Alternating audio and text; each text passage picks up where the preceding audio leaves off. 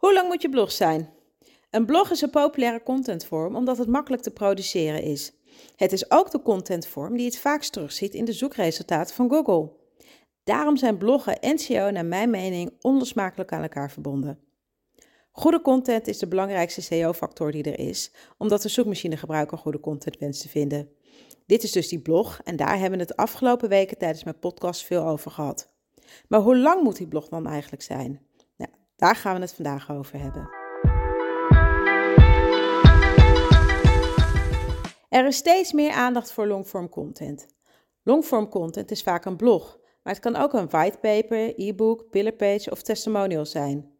De informatie in longform content is uitgebreider dan in kortere berichten en daarom is dit meer waardevoller.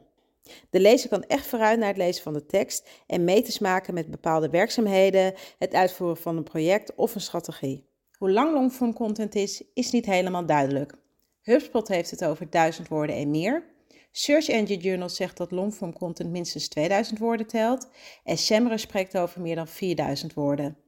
De reden dat deze getallen naar mijn mening verschillend zijn, is omdat de een bij longform content denkt aan een blog, terwijl de ander denkt aan een e-book. Er is de laatste jaren veel meer aandacht voor longform content. Er wordt ook veel over geschreven en met name in de zin hoe de lengte van de tekst zich verhoudt met de zichtbaarheid daarvan op Google. Men dacht altijd dat te lange teksten niet samengaan met de aandachtspannen van de lezer.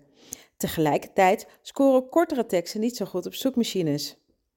Wie de plugin van Yoast gebruikt, weet dat je minimaal 300 woorden moet gebruiken op je webpagina.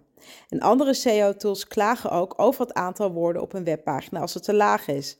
Wanneer je gebruik maakt van te weinig woorden in je tekst of op je webpagina, dan kan die tekst worden gezien als thin content. Thin, hè, dun. Thin content is content dat weinig waarde heeft voor de websitebezoeker, zoals affiliatepagina's van slechte kwaliteit of webpagina's waarop nauwelijks content staat. Weinig waarde. Joost adviseert daarom om webpagina's met zo'n tussen de 7 tot 800 woorden te publiceren wanneer de aandacht van zoekmachines en zoekmachinegebruikers wenst.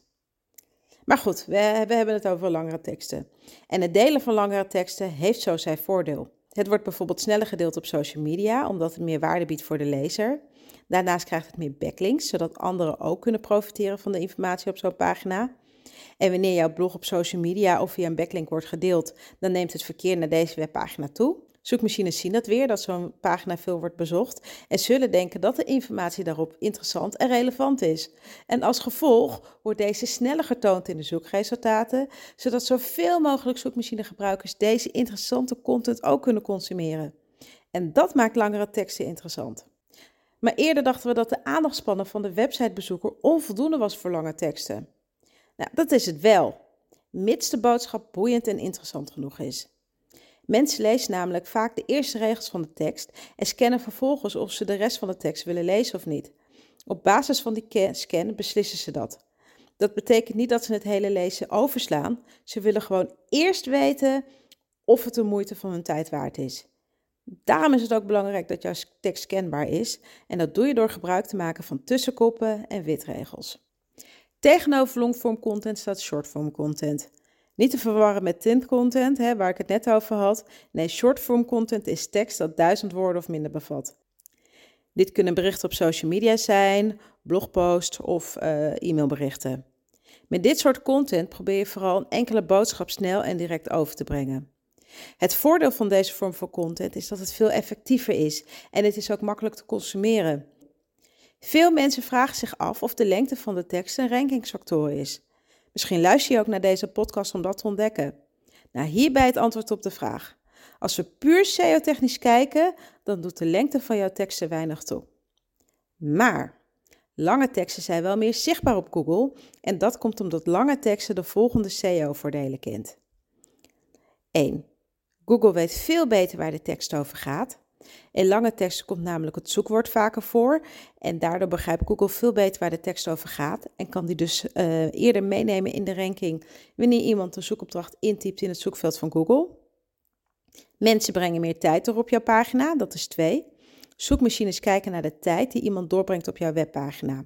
En hoe langer deze is, hoe waarschijnlijker het is dat de inhoud van deze webpagina interessant is. En het duurt gewoon langer om een lange tekst te lezen dan een korte tekst. Om die reden zou Google deze webpagina, dus jouw webpagina die gelezen wordt, sneller laten zien in de zoekresultaten. En drie, lange teksten worden vaker gedeeld. Dit is goed voor linkbuilding en backlinks. Er zijn, omdat het gedeeld wordt, zijn er meer links naar je webpagina. Dus dat zijn meer wegen naar je webpagina. En dat is goed voor SEO.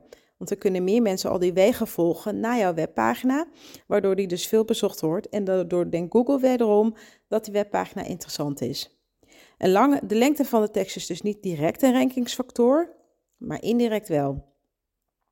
Hoe lang moet je blog dan zijn? Nou, ik denk, hè, ik Raymond de Meiland, denk zo rond de 2000 woorden. HubSpot zegt dat het ideale bericht zo'n tussen de 21 en 2400 woorden lang is, wanneer deze wil scoren op zoekmachines. En dat zeggen zij op basis van de lengte van hun 50 meest gelezen berichten in 2019. Uiteindelijk gaat het om het doel van jouw blog. Wat wil je ermee bereiken? Wil je jouw publiek direct informeren? Nou ja, dan kan je het beter kort houden. Hier kom je mee weg als jouw publiek jou kent en je een autoriteit bent in jouw vakgebied. Wil je jouw publiek iets leren en tegelijk scoren op Google?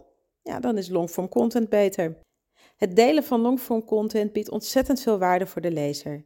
Maar niet iedereen heeft tijd en zin om constant maar ellenlange artikelen te lezen, hoe interessant deze ook zijn. Soms ben je gewoon op zoek naar een snel antwoord op een specifieke vraag. En op dit soort momenten is shortform content ontzettend gewenst. Het beste is om longform content af te wisselen met shortform content.